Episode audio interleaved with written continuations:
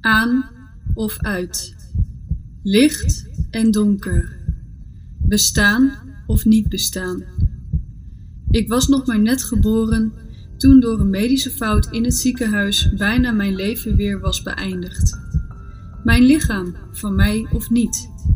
In onbeschrijfelijke pijn en slangen overal om mij en in mij. Pijn is leven en niets is dood. Door dit alles een stem, warm en diep. Volg die stem die door deze chaos als een stroom loopt. Lichtflitsen, paars. Dan weer neigend te kwazen, wit. Omringd door reflectie. Impulsen stromen, ik raak het aan. Koud is het gevoel, koud is pijn, ik ben er nog. Anomaly is voor mij het proces van begin van bestaan en de weg naar fysieke en mentale heling.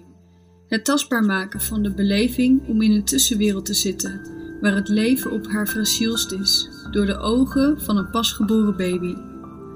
Elke kleine lichtstroom is een nieuwe verbinding tussen wat mijn getraumatiseerde, onbewuste brein verbindt met mijn bewuste.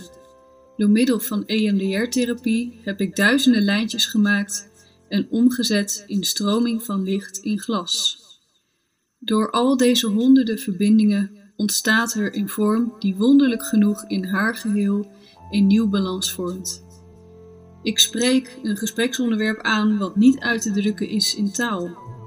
Een ervaring zo intens dat er geen woorden voor zijn.